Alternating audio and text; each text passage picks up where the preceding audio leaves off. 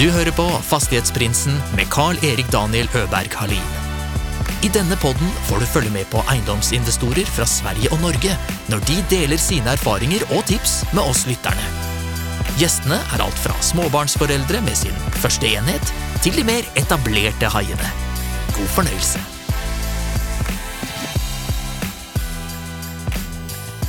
Veckans gäst gick från frukt och gröntbranschen, köpte ett nedslitet fastighetsbestånd i och runt Malmö i 2006 och har sedan dess 65-dubblat värdet genom traditionell utveckling men också bland annat genom något som jag tycker är väldigt spännande, social hållbarhet. Det och mycket mer spännande grejer snackar vi om i veckans avsnitt med Trianons VD Olof Andersson! Tack så mycket. Tack så mycket. Det var väldigt kul att eh, ha en, eh, en skåning här. Det bästa, bästa av svenskarna. Ja, Är det inte så? jo då. Det är så. Jag är riktig Malmöbo. Ja. Ja. Jag har många skånska eh, kollegor och kompisar upplever att de är lite extra patriotiska. Stämmer det? Där har ju alltid eh, varit eh, någon eh, form av eh, schism mellan Stockholm och Malmö. Ja, ja. så, där, så där är det i, eh, i Norge också. Det är eh, Oslo mot Bergen. Okej, okej. Och sen har vi Sverige mot Norge. Ja. Ja. Nej men jättekul att du eh, är här. Du är ju VD och grundare av Trianon. Ja, Jag är VD i Trianon men jag är egentligen inte grundare till bolaget utan jag köpte bolaget eh, 2006 som Ja. var ett eh, mindre fastighetsbolag. Ja, det stämmer ju faktiskt. Det ber jag om ursäkt för. Eh, när vi ändå hoppar in där, kan inte, du, kan inte du bara berätta lite om dig själv och eh, ta oss tillbaka från starten, från eh, hur du hamnade in eh, i fastighetsbranschen? Ja, det är mycket tillfälligheter som det är i livet och Mm. eh, att eh, våga ta de möjligheter som eh, dyker upp på resans gång. Jag har en eh, bakgrund i eh, frukt och grönsaksbranschen sedan, eh, sedan 1980 och var torghandlare på Möllevångstorget i Malmö. Och hade eh, byggt upp en, ett företag i frukt och grönsaksbranschen som heter Sygrönt som jag säger sålde 2002. Och det är med det kapitalet som jag gav mig in i fastighetsbranschen. Ja, okej. Och jag hade ju en tanke då att jag hade ju eh, under de 22 åren jag var i frukt och grönsaksbranschen så hade jag 10 veckors semester varav en av veckorna var på sommaren. Och eh, det var väldigt hårt arbete och jag ja. tänkte att jag ska satsa på någonting där jag arbetar lite mindre. Mm. Och då tänkte jag att fastigheter är bra. Mm. För då jobbar man bara den sista varje månad när hyrorna kommer. ja, Men, men det visade sig att där, där hade jag fel. jag hade fel där då. Okej. Så från 2006 eh, har du klarat av att karva till det lite mer än 10 veckors semester eller? Ja, jag har eh, normala semesterförhållanden nu för tiden. Oj, du du har en bra arbetsgivare med andra ord. Ja. Ja. Okej, men hur ramlade du bort i eh, det som var Trianon och vad var Trianon när du... Eh, Trianon var ett eh, litet fastighetsbolag som hade ett fastighetsvärde på 200 miljoner mm. och eh, hade en liten organisation i Malmö. Och det var ett utspritt bestånd i Malmö, Perstorp och Bjärnum, Osby, Trelleborg och Åstorp. Och, eh, det hade varit till salu ett tag. Det var Mm. ingen som var intresserad av att köpa. Det var ett väldigt nedslitet bestånd också. Mm. Så att jag köpte det här bolaget eh, 2006 och, och eh, med en tillfällig kredit i banken och eh, med löftet att jag skulle eh, sälja ut alla fastigheter som inte låg i Malmö och amortera. Okej. Så det var där det började. Mm. Intressant. Följde du bankens plan? Ja, eh, det gjorde jag faktiskt. Alltså på ett och ett halvt år hade vi eh, gjort de transaktionerna som vi var överens om att vi skulle göra och eh, hade amorterat och därmed också fått ett, byggt upp ett förtroende som innebar Mm. att vi kunde köpa mer fastigheter i Malmö. Mm. Men hade du någon erfarenhet av fastighetsbranschen innan det? Jag hade viss erfarenhet, eh, inte mycket men viss erfarenhet för vi, eh, i min frukt och grönsaksverksamhet så hade vi byggt våra terminalfastigheter två gånger. Och, eh, så att eh, lite kunde jag om det. Ja, okej. Alltså, du, du, eh, för du hade en frukt och grönt grossistverksamhet som du Ja. hade ett, ett lagerbygg. Två stycken hade vi där. Ja, okej. Ja, nej, men det var inte helt främmande, eh, främmande eh, till det. Och Trianon var på den tiden då värderat till 200 miljoner och var det bara bostäder som... Eh, Nej, det var ett blandat bestånd. Mm. Bostäder och kontor och i, även nå- några industrifastigheter. hur, hur många var det som jobbade där då? Och, Jag tror vi, var- vi var fyra stycken som medarbetare som jag tog över. Idag är vi 90. Oj, ni- 90 stycken. Ja. Hur- mycket är det värderat eh, idag? Vi, vi har ett fastighetsvärde på 13 miljarder idag. Mm. Så Wow, det är bra jobbat. Och det är börsnoterat. vi är börsnoterade sedan 2017 och Mm. först på eh, First North Premium-listan och sedan 2020 så är vi på eh, Midcap. Ja, gratulerar med det. Roligt. Hur har den övergången varit från att vara inte börsnoterad till att vara börsnoterad? Ja, det har ju varit, eh, det har ju varit en, eh, en eh, väldigt lärorik resa att få vara med om. Och- det har ju inneburit att vi har kunnat växla upp och Mm. växa bolaget. Ju. Mm. För det är ju onekligen kapitalkrävande i fastighetsbranschen och det är väl en huvudsak, eller en grund därför att man eh, börsnoterar vill jag tro. Ja, alltså jag köpte ju bolaget 2006 och sen så började vi köpa mer fastigheter. Och 20, 2010 så slog jag samman bolaget med en eh, annat fastighetsbolag i Malmö som ägdes av Jan Barkan. Och eh, sedan dess så har vi då utvecklat det tillsammans. Men, eh, eh, fram till 2017 då när vi noterade så då hade vi ett fastighetsvärde på 3 miljarder. Så att eh, noteringen har ju möjliggjort den här eh, eh, senaste årens eh, rätt Wow. kraf- kraftiga eh, expansion. Mm. Riktigt imponerande att ni klarat av att ha en sån kraftig växt. Alltså både före och efter eh, börsnotering. Eh, när du köpte Trianon då, vad, eh, vad var din ambition eller vision med, med företaget? Eller din satsning in i, i Nej, fastighetsbranschen? men då? mina tankar då var ju att utveckla eh, bolaget vidare eh, som ett eh, familjeägt eh, litet fastighetsbolag och eh, Mm. efterhand som vi hade pengar så kunde vi köpa något hus till. Och, Mm. och det var min tanke då. Ja. vad var det som hände sen då? Ja, det dök upp andra möjligheter. Ja. Är det så? Alltså hur fungerar eh, du och ni då? Har ni eh, en... Eh, när man är på den storleken som ni eh, har varit och är på nu, får man många erbjudanden kastade på sig eller skickade till sig eller är man alltid på ständigt jakt och är ute efter nya deals eh, och... eh, Nej, men Fungerar den eh, dynamiken? vi, vi blev uppvaktade när, när, och, och vi följer ju transaktionsmarknaden i Malmö och de och angränsande kommunerna där vi verkar i. Mm. Och de transaktioner som görs där, de har vi ju oftast haft på vårt bord också. Alltså, ni har ju lite olika typer av eh, inriktningar. Ni har både bostäder, kontor och samhällsfastigheter. Och så har jag sett att ni har börjat, eh, jag vet inte vilken, vilket stadie ni är, men ni utvecklar ju en del fastigheter också. Ni ska utveckla 381 bostäder för unga i Malmö också. Är det ett nytt eh, ben eller har ni utvecklat lite grejer under tiden också? Alltså vår affärsidé är ju att vi ska äga, förvalta, utveckla och bygga fastigheter i Malmö och de angränsande kommunerna. Och vi har ju från 2017 när vi noterade så har vi ju färdigställt eh, över 400 nyproducerade lägenheter ja, i Malmö. ja. Så att det, det, är- det är en viktig del i, i vår tillväxt att vi ska producera eh, nya bostäder. Mm. Och, och, eh, så att eh, vi har ju nu, vi ska byggstarta de här 381 ungdomsbostäderna men vi har ju 350 lägenheter i produktion för närvarande också som ska vara färdigställda under 2023 och 2024. Mm.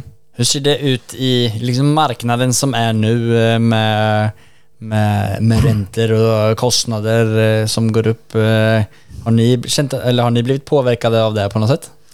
Nej men det är klart att eh, byggkostnaderna har ju gått upp men de projekten vi har här är ju redan upphandlade så att Ja. där, där har vi fast pris på det och sen gäller det att hålla emot i den här kostnadsökningarna för att eh, en del av kostnadsökningarna kanske kan vara motiverat men en hel del är ju då eh, leverantörer som jobbar med marginalförstärkning och det kommer vi inte acceptera. Nej. Utan det kommer vi pruta bort.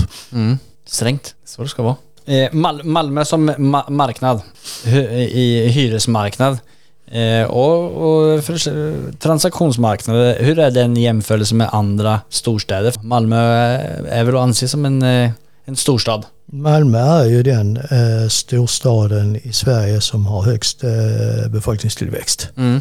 Och, eh, vi har ju vuxit, eh, jag tror det är 34 år i rad och är uppe i 360 000 eh, invånare nu. Och eh, det är klart att vi har ju en väldigt eh, stark hyresmarknad och har, har, har en bostadsbrist trots att det är en hög produktionstakt på eh, nya lägenheter.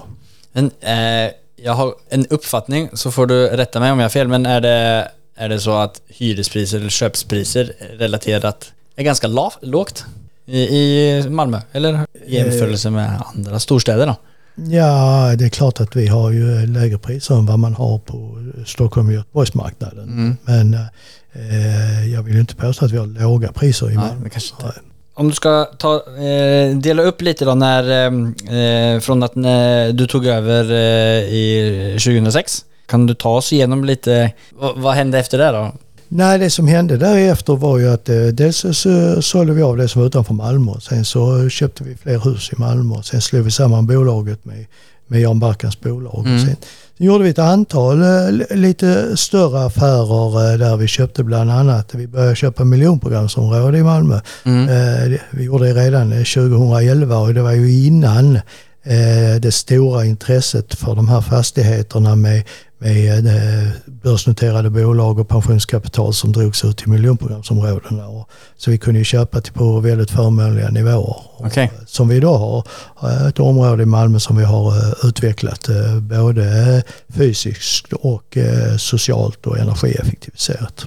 Mm. När du är inne på det, ni, jag uppfattar att ni fokuserar ganska mycket på den, sociala hor, hållba, den sociala hållbarheten. Det är väldigt viktigt för ert företag. Kan du berätta lite om det? Nej, men när vi köpte Vårsången då 2011 så var det ju ett eh, nerslitet område med, med stor eh, omflyttning av hyresgäster. Det var 20 omflyttning och alla som hade möjligheten flyttade ju därifrån ju. Och vi, Okej. Jag tror vi var den fjärde ägaren på tio år eller något i den stilen och eh, eh, vi bestämde oss för att rusta upp området. Både fysiskt Ja. och socialt och Mm. energieffektiviserade och sen ha en väldigt hög bemanning där ute och, och jobba väldigt nära våra hyresgäster. Och vi har ju jobbat eh, väldigt mycket mot barn och unga där ute. Vi har jobbat eh, väldigt mycket med jobbskapande så att vi har Okej. ju eh, vi Berätta har ju anställt boende där som jobbar hos oss idag. Vi är 90 anställda i Trianon och jag tror vi har 13 av våra medarbetare Jaha. bor på området och jobbar hos oss fortfarande. De har jobbat där i många år nu och, Mm. och de har ju lä- lä- lärt sig jobbet på jobbet. Mm. Så eh, jobbskapande har varit en, en, en viktig sak. Och sen ska vi leverera ett bra boende. Mm. Att vi renoverar husen på ett ansvarsfullt sätt så att inte vi får alldeles för höga hyreshöjningar. Utan att vi får långsiktiga hyresgäster. Att Mm. man har råd att bo hos oss. Mm. Men det låter ju som att ni lägger ner mycket eh, tid och därmed också resurser på här sociala. Eh, Ser man det som en, liksom en del som nästan som renovering i ett hus, att det ökar värdet för att det skapar trygghet och, eh, i de hyresgästerna som Klart. bor där? Klart att eh, ett område där man har engagerat eh, boende eh, eh, blir det ju en annan eh, social kontroll på området. Och, Mm. det sprider sig på området och det är ju barn, sprider sig till, till barnen. Ja, men de medarbetarna som jobbar hos oss de har ju barn och, barnen har kompisar och det, det, det här påverkar ju. Och, och, eh, sen så hänger det här samman för oss. Mm. Alltså, vi ska ju vara ett lönsamt bolag och, och, och ha en affärsnytta och tjäna pengar men vi måste ju också leverera en kundnytta och i en förlängning en samhällsnytta. Mm. Men, och det är ju för mig liksom helt eh, självklart att det det man ska göra när man driver ett företag. Du sa att det hade varit fyra stycken ägare på tio år. Är det bara sådana hyres eller fastighetsägare som eh, eh, tänkte att de skulle ha bara jobba sista eh, dagen i månaden när hyrorna skulle in? Eller för det... Där, där har nog förekommit vissa inslag av, av den sy synen från Ja. tidigare ägare. Ja, jag blir alltid fascinerad över att det finns folk som, som tänker så. För det, det, det låter ju som att det är jättebra eh, möjligheter både alltså, eh, affärsmässigt eh, och som också då är väldigt bra för eh, samhället också. Så vad var det där eh, området hette sa du? Som ni, Vår- Vårsången, ja, och hur länge hade ni ägt det? vi köpte det 2011 så att, eh, Ja. vi har ägt det i många år nu. Vad är det ni har gjort med det liksom eh, i, eh, i utveckling, eh, i, renoveringen? Hur, eh, hur resonerar ni liksom eh, i, runt omkring det? Ja, man kan säga att det är ett upprustat eh, miljonprogramsområde. Det är 400 lägenheter och jag tror över 300 lägenheter är numera renoverade. Mm. Och, all, alla, all teknik är utbytt i alla husen och, och vi har sparat 50 energin och vi har solceller på taket och Mhm. nya fönster nya tak och eh, nya hissar överallt. Så Mm. eh, Eh, Slår sånt väldigt positivt ut också då på eh, värderingar också? Eh, alltså solceller och att man tänker liksom längre fram. Ja, solceller är, ju- är ju en lönsam investering. Just, Mm. så, att, eh, det har vi ju gjort på flera hus efter det. Så att, eh, och det fortsätter vi. bli, bli ännu mer aktuellt idag med de eh, elpriserna vi har för närvarande. Ni har gjort en fantastisk resa sedan ni gick på börsen. Finns det någon, någon, eh, mål, något mål med hur stort det, ska bli eller eh, När andra verksamheter som ni ska gå, gå in i? När vi börsnoterade Trean hade vi ett fastighetsvärde på 3,3 miljarder. Mm. Och eh, då sa vi till investerarna att på 3 till 5 år så ska vi dubbla värdet. Mm. Och eh, det gjorde vi på 18 månader och sen satte vi nya mål. Så att eh, för, till, för närvarande ska vi växa bolagets förvaltningsresultat med 12% om året och Mm. avkasta 12 till, på eh, eget kapital och göra detta. Men inte allt för hög belåningsgrad. Vi har satt en gräns vid 60% och vi Okej. ligger på 54 för närvarande. Ja. Och, så, så det är våra mål att vi ska fortsätta växa bolaget. Mm. Och vi, vi, vi jobbar med de segmenten vi har. 75% av vårt fastighetsvärde är bostäder. 10, Ja. 10 är samhällsfastigheter och 15% kommersiellt. Mm. Och vi har sagt att över 80 vill vi gärna ha i bostäder och samhällsfastigheter. Mm. Sen ska vi kunna göra lite opportunistiska affärer eh, på marginalen där. Ja. Och det har vi gjort och det kommer Ja. vi göra framöver också. ja. Och något spännande eh, opportunistiskt eh, att dela med dig om? Eh, inte som vi har på gång, nej. Men Nej. Vi, vi har gjort ett antal affärer. ja. Ingenting av det som du kan dela med om? Ja, men vi köpte ju ett misslyckat köpcentrum 2017 i Malmö som heter Entré. Och eh, det var ju, vi köpte Rosengårds centrum 2016 och nu 2020 eh, tillsammans med ett annat eh, bolag här i Stockholm köpte vi Burlöv Center. Och alla de tre fastigheterna var ju egentligen eh, fastigheter som vi inte ville ha men till ett pris som vi inte kunde motstå. Nej, okej. Eh, va- Vad var grunden till att ni inte ville ha dem? eh, Nej, det låg ju inte riktigt i vår affärsidé tyckte Nej, okej. vi ju och sen eh, var det rätt så stora utmaningar. Men får man in det till rätt pris Mm. så går det ju att Ja. utveckla och eh, eh, skapa värden. Mm. Förlusten ska vara tagen. Ja, eller hur? Ja. Men eh, alltså när det snackar om så stora fastigheter som, som det här är och liksom Rosengård centrum eller liksom en, ett stort köpcenter. Eh, vad är det som gör att ni eh, klarar av att liksom vända det och få det till eh, det, en, en pos, det positiva i det? Ja, när det gäller entré så var det ju helt enkelt så att vi konverterar ju det här. Det här är inget köpcentrum längre. Nej. Utan det är mer, eh, vi håller på fullt med ombyggnaden här nu. Det här har tagit några år. Och, Ja. och eh, vi har satsat på att istället för att vara ett köpcentrum satsat på bostadsnära handel, upplevelser och aktiviteter och samhällsservice. Så att eh, eh, det här kommer att bli ett multihus till slut när det är klart. Och eh, det är 40 000 kvadratmeter och eh, vi har väl kontrakterat eh, kring 90 procent nu. Ju, så att eh, det, det, det kommer ju att bli en, en, en bra affär. Och när det gäller Rosengård centrum så är, var det mycket, är det mycket den här lokala förankringen och det kontaktnätet vi har Mm. i Malmö och att vi eh, tar risk på hyresgäster. Så vi har 88 hyresgäster på eh, Rosengård centrum och det är ju väldigt många, där finns inte en enda kedja. Nej, okej. Och, utan det är lokala entreprenörer som eh, driver verksamheter där Mm. och en del samhällsservice. Är det inte vanligt menar du att... Eh, Eh, vi är, eh, Rosengård centrum är fullt ut ett köpcentrum Mm. och vi har kö in. Mm. Okej, det är den risken som man kan ta i, i den typen av eh, eh, fastighetsinvesteringar och för vanligtvis så är det mycket mer värde att ha in Systembolaget, Apoteket och... Självklart hade, Ja. hade det varit bättre värde på det och min, Mm. mindre risk. Men vi har tagit risk på lokala entreprenörer och det har varit väldigt framgångsrikt. Ja Ja men det var spännande. Jag tycker om det här och att höra olika typer av eh, eh, saker som eh, liksom ökar värdet. Eh, för det handlar liksom om eh, den som ser någonting som inte alla andra kan se. Alltså den, desto mer kreativ man är, desto mer eh, avkastning får man ju. Eh, om man klarar av att se något. Och det gör ju ni eftersom att ni har så lokal kännedom och bra nätverk ju, runt i, i, i det här området. Den lokala förankringen är, är en konkurrensfördel och egentligen så är det ju min, min uppfattning att fastighetsföretagande det är, det är egentligen local business. Ja. Du är ju superlokal eh, i Malmö, berättade du precis innan vi spelade in också. Du har ju eh, hur många generationer eh, skåning var du? Ja, jag tror jag har kollat lite tillbaka att det är väl fjärde generationen Malmöbor eller Ja, någonting Mer, mer lokal så, än så kan man inte bli. Vad är det bästa med fastigheter eh, för dig? Nej men alltså eh, jag gav mig in i fastighetsbranschen och eh, det har ju varit eh, eh, det handlar ju om att eh, det, det är lönsamt och samtidigt får jag förmånen att möta alla de människorna jag får förmånen att möta Mm. och, och, och lära mig av det. Och, och eh, sen är det ju roligt.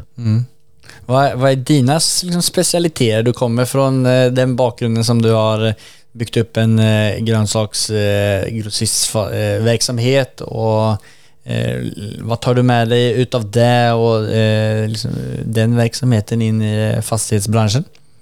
Som kanske är en Ja, det- styrka också då? In Ja, alltså frukt och grönsaker är en extrem färskvara och Ja. fastigheter är väl eh, betydligt mer långsiktigt och, och hållbar produkt. Ja. Och, och, och, eh, men eh, jag brinner ju för att göra affärer och Mm. eh, det är bara olika produkter. Mm. Har du liksom det här eh, jakten efter dealen, eh, är det det som eh, triggar dig mycket också? Eller? Nej men eh, just det här att eh, utveckla ett bolag Mm. och, eh, och göra affärer. Det, Mm. det, det tycker jag är det, jag eh, brinner för. Mm. Och eh, bygga det här teamet som eh, vi har byggt i Trianon som eh, fantastiskt eh, duktiga medarbetare.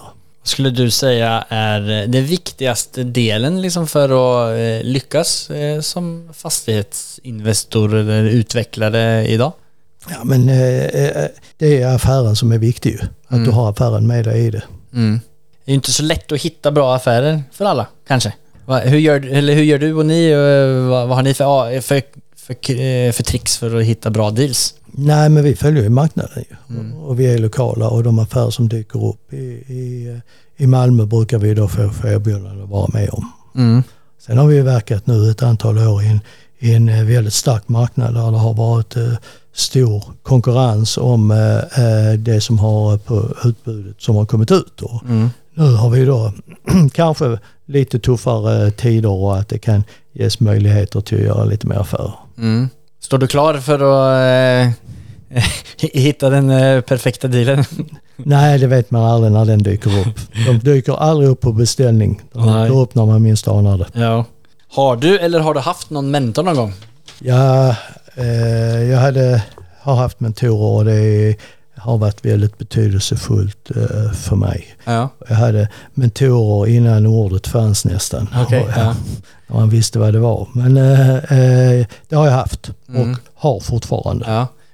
Vad, vad är det du får eh, för utbyte? Vilken typ av eh, liksom, eller sammanhållning eller har ni? Nej men eh, om vi tar eh, Trianon som exempel så har jag samarbetat med eh, Jan Backa nu i, Mm. i, i 12 år och, och även med Mats Cederholm. Nu har båda med ålderns rätt lämnat eh, styrelsearbetet Mm. eh, men det är klart att det har ju varit och är fortfarande. Det är, väldigt bra bollplanka att Mm. att ha. Mm. Det är väldigt stora affärer. Ja. Det är mycket pengar. Mm. Och eh, sitta helt ensamma med de affärerna, då är det väldigt bra att ha andra eh, och bolla affärerna med. Mm. Och det har vi både med, med, har vi haft både med Jan och Mats och internt med mina medarbetare. Mm. Är du mentor för någon? Nej, det är jag inte. Nej. Är öppen för att bli mentor? Absolut. Ja.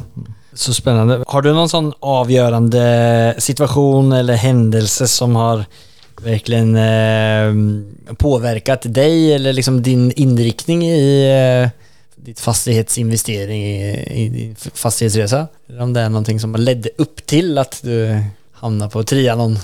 Nej, men det är som jag sa tidigare att det är mycket tillfälligheter här i livet. Och, Ja. eh, det var ju också en tillfällighet att jag hamnade i, i fastighetsbranschen och, och eh, att jag fick erbjudande att eh, köpa Trianon. Ja. Hur menar du att det var tillfälligt menar du? Ja men det var ju, eh, det hade ju varit ute till salu i, tror jag, över ett år ju. Mm. Och, eh, eh, precis på sluttampen så var vi, eh, dök upp en annan köpare också. Så men jag var lite före där och fick en vecka på mig att göra DD annars så skulle de gå och göra upp affären med någon annan. Ja, okej. Hur många bostäder eller fastigheter är det ni har? Räknar ni det i antal eller kvadratmeter? Ja, vi har ju 153 fastigheter och en Ja. yta på 500 000 kvadratmeter och totalt har vi 5 000 lägenheter. 5000 lägenheter. Det är bra. När man är liksom eh, en så, när man driver en så stor verksamhet som du, eh, som du gör, har, har du några speciella rutiner eller eh, eh, grejer för att liksom hålla, hålla eh, momentet uppe? Och, Ja, men jag jag eh, stiger upp eh, varje morgon eh, klockan fem och äter samma frukost varje morgon och sen kör jag med glädje till arbetet. ja. Bra att man älskar det man gör. Nej, och sen jobbar jag hela dagen. Ja, helt rått. Då börjar vi närma oss vårt eh, nästa segment som eh, heter Affärsanalysen. Och det är eh, det segment där våran gäst delar med sig om en genomförd affär. Jag tar oss igenom det eh, smått och gott. It has not been easy for me. And, you know, I, I started off in Brooklyn. My father gave me a small loan of a million dollars. Affärsanalysen. Någon speciell eh, transaktion som du tänker på eh, kan eh, vara intressant att dela med dig om? Jag pratade lite om det innan och eh, det är ju eh, det här, fast, de här fastigheterna vi köpte, Entré, Rosengårds centrum Ja. och Buller centrum som var fastigheter vi egentligen inte ville ha till pris Nej. vi inte kunde motstå. och, och, och eh, de- har vi ju eh, utvecklat nu och hittat olika lösningar på. Vi är inte riktigt i mål med allt än men vi är Nej. på god väg. Mm. Och, och det här har ju varit och kommer att vara väldigt vä- värdeskapande när, Mm. när, när eh, vi kan köpa det till rätt pris. Hur kommer det sig att, att det är någon som budar ner sig själv? Nej men all, alla de här tre affärerna är, är ju, var ju ägda av utländska eh, Okej. fonder. Och, och eh, antingen har, har ju fonden kommit fram till att det är för svårt att utveckla dem eller eh, skapa värden där eller har de, ska fonderna stänga och det ska avyttras. Okej. Och, och finns det då inte så många köpare så går det ju för det till rätt pris. Mm.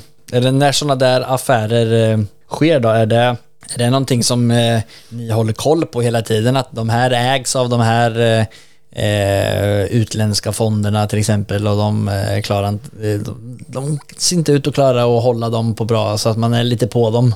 Nej, som jag sa, detta var ju fastigheter som vi egentligen inte ville ha. Nej. Så att det hade vi inte koll på. Utan att eh, det, det dök upp av, av en tillfällighet. Och, eh, när det gäller Rosengårds centrum så var det en strukturerad process. Det var ute i marknaden och jag kastade det här prospektet i papperskorgen tre gånger tills att eh, det stod klart för oss att det, där var inga andra köpare och att vi kunde lägga ett bud. Ja. Och eh, entré var en tillfällighet att eh, det var en off-market affär som, som eh, eh, gjordes upp lite snabbt. Och, och eh, det var Burlöf Center också. bara tillbaka till, eh, jag bara kommer att tänka på eh, det att ni har gjort en så stor, eh, en sån kraftig växt de sista åren. Eh, är det något speciella, är det här, de här fastigheterna en del av den eh, tidsperioden från 17 och framåt som har varit med och bidragit att ni har ökat så mycket?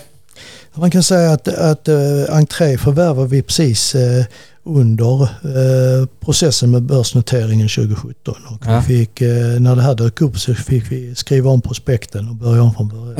Okej. och och Rosengårds Centrum hade vi redan förvärvat, det förvärvade vi 2016. Mm. och Buller Center nu tillsammans med ett annat bolag här i Stockholm 2020. Så att eh, man kan säga nej, eh, det har varit, eh, det, det vi har fokuserat mycket på det är att utöka vårt bostadsbestånd och eh, satt ett mål att vi skulle ha över 80% bostäder och samhällsfastigheter. Så vi har förvärvat eh, mycket bostäder de senaste åren. Och mycket mer ska det bli, låter det som.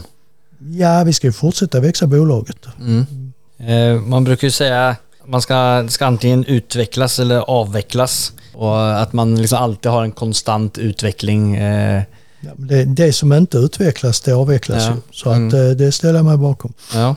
Då tackar jag för eh, de eh, goda historierna eh, om de fastigheterna. Och springer vidare till vårt nästa segment som heter Fyra frågor. Det är de samma fyra frågorna som vi ställer vår gäst.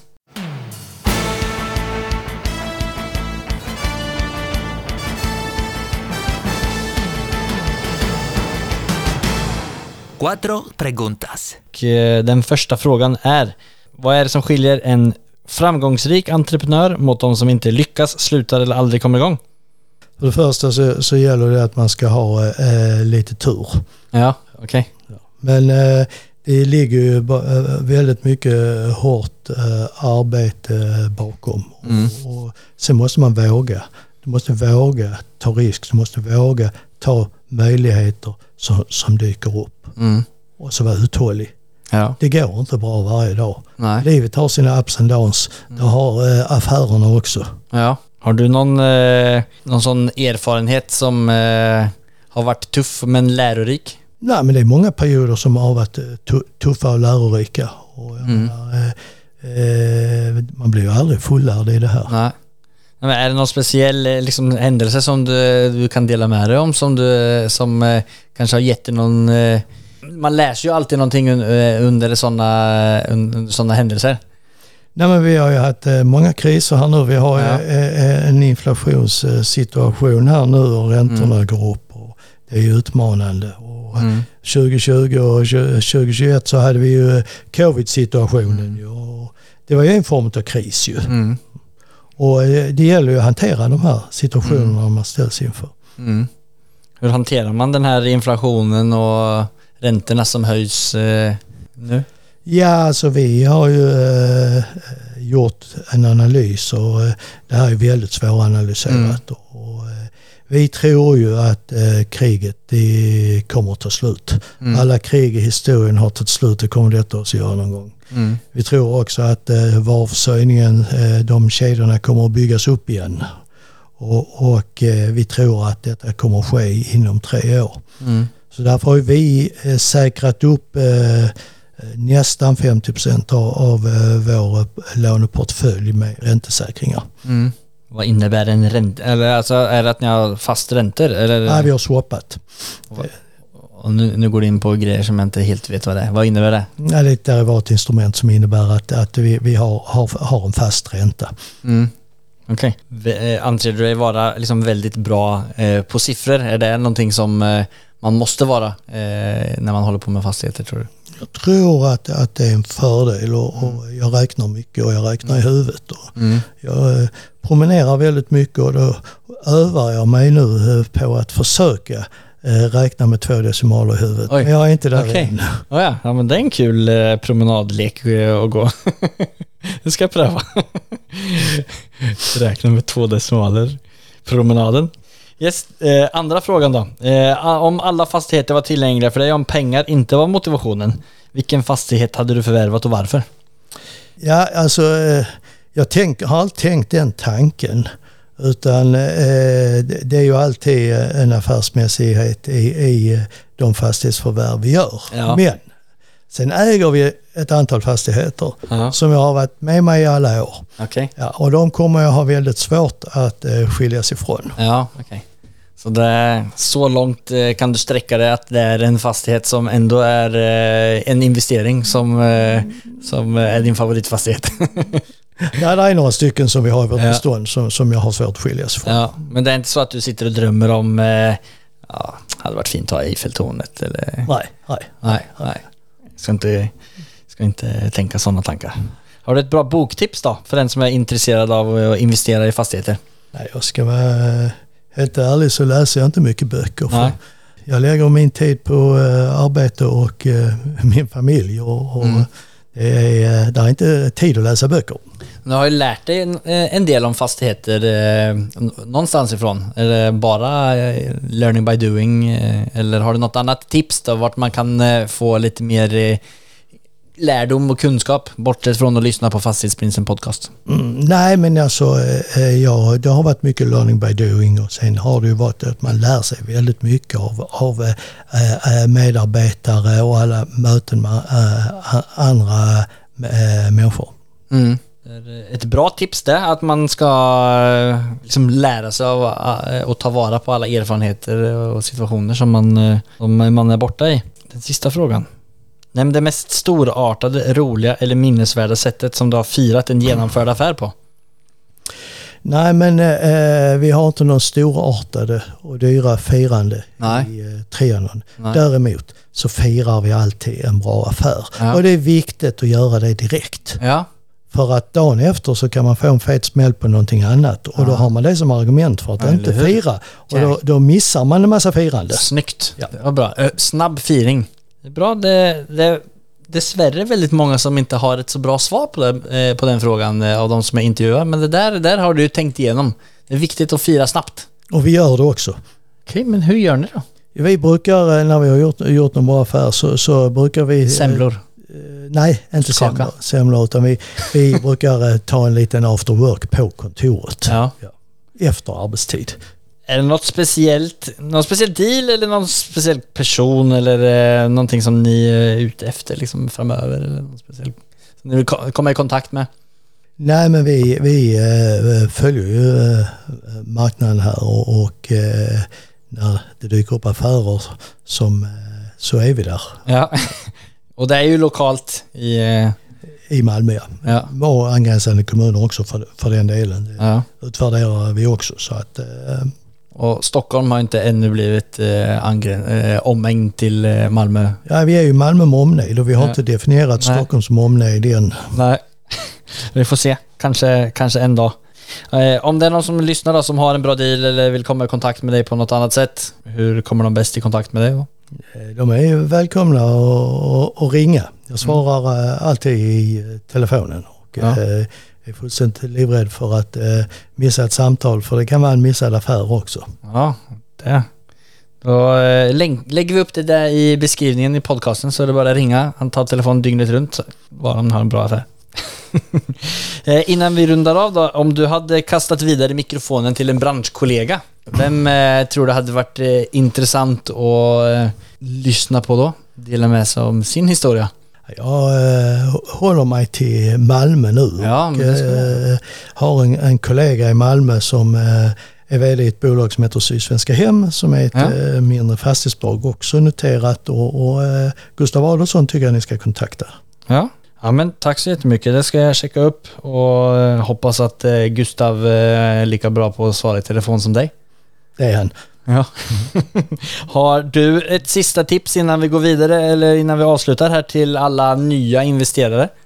om jag skulle eh, börjat eh, idag så Mm. eh, är det klart att det gäller att börja i, i, i liten omfattning och eh, skulle jag tipsa om någonting så gäller det att börja med en fastighet som har ett kassaflöde Mm. Men som samtidigt har en stor utvecklingspotential. Ja. Så man kan göra det här Ja, jobbet precis. och eh, skapa värden och därmed kunna växla upp det efterhand.